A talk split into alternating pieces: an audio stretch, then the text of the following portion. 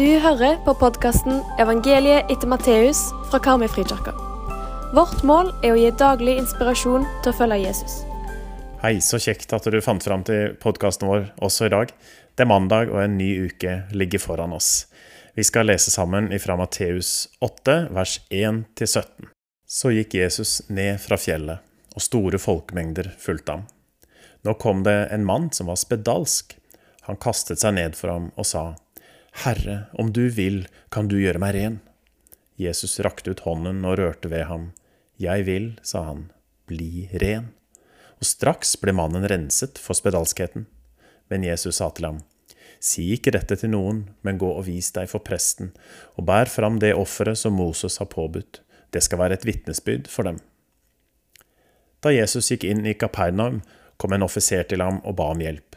Herre, sa han, tjenestegutten min ligger lam hjemme og har store smerter. Jesus sa, Jeg skal komme og helbrede ham. Offiseren svarte, Herre, jeg er ikke verdig til at du kommer inn under mitt tak, men si bare ett ord, så vil tjenestegutten min bli helbredet. For jeg står selv under kommando, har soldater under meg. Sier jeg til én, gå, så går han, og til en annen, kom, så kommer han, og til min tjener, gjør dette, så gjør han det. Jesus undret seg da han hørte dette, og han sa til dem som fulgte ham, Sannelig, jeg sier dere, en slik tro har jeg ikke funnet hos noen i Israel. Det sier jeg dere. Mange skal komme fra øst og fra vest og sitte til bords med Abraham og Isak og Jakob i himmelriket. Men rikets barn skal kastes ut i mørket utenfor, der de gråter og skjærer tenner. Til offiseren sa Jesus, Gå, det skal skje slik du trodde, og tjenestegutten ble frisk i samme stund. Jesus kom hjem til Peter og så at svigermoren hans lå til sengs med feber. Han rørte ved hånden hennes, og feberen slapp henne. Hun sto opp og stelte for. Da det ble kveld, brakte det til ham mange som hadde onde ånder. Han drev åndene ut med et ord og helbredet alle som var syke. Slik skulle det ordet oppfylles som er talt gjennom profeten Jesaja. Han tok bort våre plager og bar våre sykdommer. Vi kan gjenkjenne tre områder i Jesu tjeneste og i våre liv med Jesus, og det er i ørkenen, det er på fjellet, og det er i elven. Ørkenen er et hardt sted å være, men det er der vi bygger åndelige muskler. Fjellet er stedet for de store opplevelsene, for åpenbaringene. Mens elva er hverdagen med Jesus, der hans livgivende kraft strømmer gjennom oss. Den siste uka har vi fulgt Jesu kanskje mest berømte tale, bergprekenen. Husker du hvor han var før han gikk dit? Jo, han var i ørkenen og ble fristet av djevelen. Så leser vi i dag at Jesus gikk nå ned fra fjellet, ned til elven, der han levde og tjente i hverdagen sammen med folk, og det skjedde helbredelser. Vi får se mektige undergjerninger fra Jesus. Vi får se hans godhet, nåde, hans makt og hans autoritet. Det er helbredelser av en spedalsk mann, en lam tjenestegutt, en febersyk eldre dame og utdrivelse av onde ånder. Den spedalske mannen får beskjed om å vise seg for presten og bære fram offeret.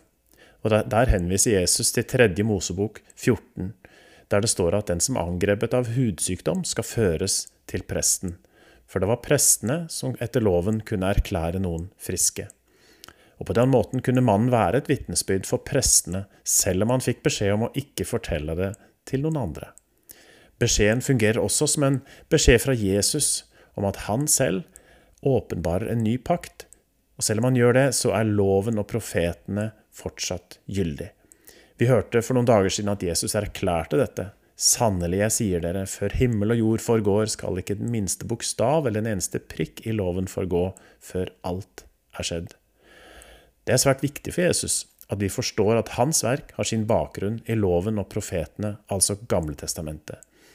Hvis vi kun leser Det nye testamentet og tenker at ja, der er det nåde og kjærlighet, men forkaster samtidig Gamletestamentet, for der er det så mye vold og vanskelig stoff, ja, da risikerer vi å få en grunn tro. Ja, sannsynligvis så vil vi ikke gripe verken Guds storhet eller hvorfor Jesus måtte dø, uten å ta veien om Gamletestamentet. Matteus siterer konstant fra Gammeltestamentet, og det gjør Jesus også, fordi Gammeltestamentet var Jesus sin bibel.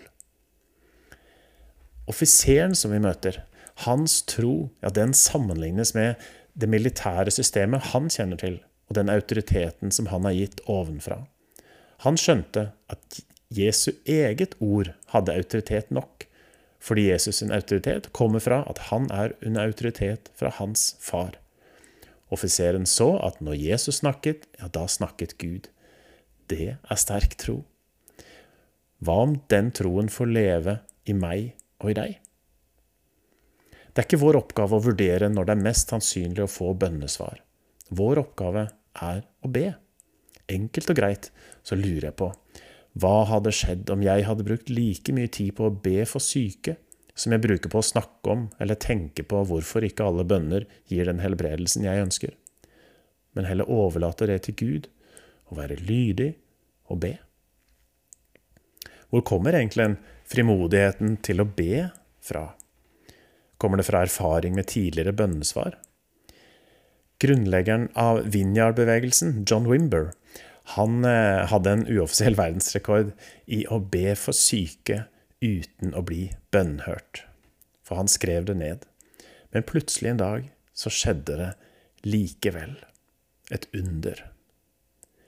Det kan ikke ha vært av erfaring med bønnesvar at han holdt ut da. Det kan heller ikke ha vært at han hadde en spesiell gave. Men frimodigheten til å be, den vokser ut av kjærligheten og relasjonen til Jesus. Den relasjonen vokser når vi bruker tid med Han, som f.eks. å lese i Matteus og rette blikket mot Jesus, som du gjør akkurat nå. Hvilke anledninger tar jeg i mitt liv til å be for syke? Og bruker jeg de anledningene når de kommer? Vi skal ikke og kan ikke be, nei, love helbredelse. Det skaper kunstige forventninger, og kan også skape smerte eller føre mennesket bort fra troen. Det er likevel noe annet å dele de historiene vi har lest om i dag, med stor frimodighet, for de handler ikke om oss, de handler om Jesus, som kom ned fra fjellet for å være sammen med oss, i elven, med levende, strømmende, helbredende vann fra himmelen. Jesus, han ga seg selv for oss, ga avkall på sitt eget for at vi skal ha liv. Vi kan aldri møte Jesus med betingelse eller krav, for han elsker oss betingelsesløst. Hva kan vi da ellers gjøre enn å tilbe ham med våre liv? Ingenting er umulig for Gud. Jesus har autoritet fra Gud til å helbrede, og gjennom Jesus har vi fått den samme autoriteten. Fylt av Den hellige ånd kan vi derfor med stor frimodighet legge hendene på den som er syk, og be Herren om helbredelse. Hva som skjer, når det skjer, ja, det er ikke opp til oss. Gud rår. Det er hans oppgave. Vår oppgave er å følge etter Jesus og hver eneste dag søke svaret på spørsmålet Hva ville Jesus gjort i dag om han var meg? La oss be. Kjære Jesus, du Guds sønn, forny mitt hjerte. Din ånd gir tone til fuglenes sang og bienes summing. Det du har skapt, er fullt av underverk så vakkert å se på. Jeg ber om ett under til, at du gjør min sjel vakker. Amen. Ta imot Herrens velsignelse. Gud, velsign himmelen over oss, jorden under oss, ditt bilde dypt inni oss og dagen foran oss. Amen.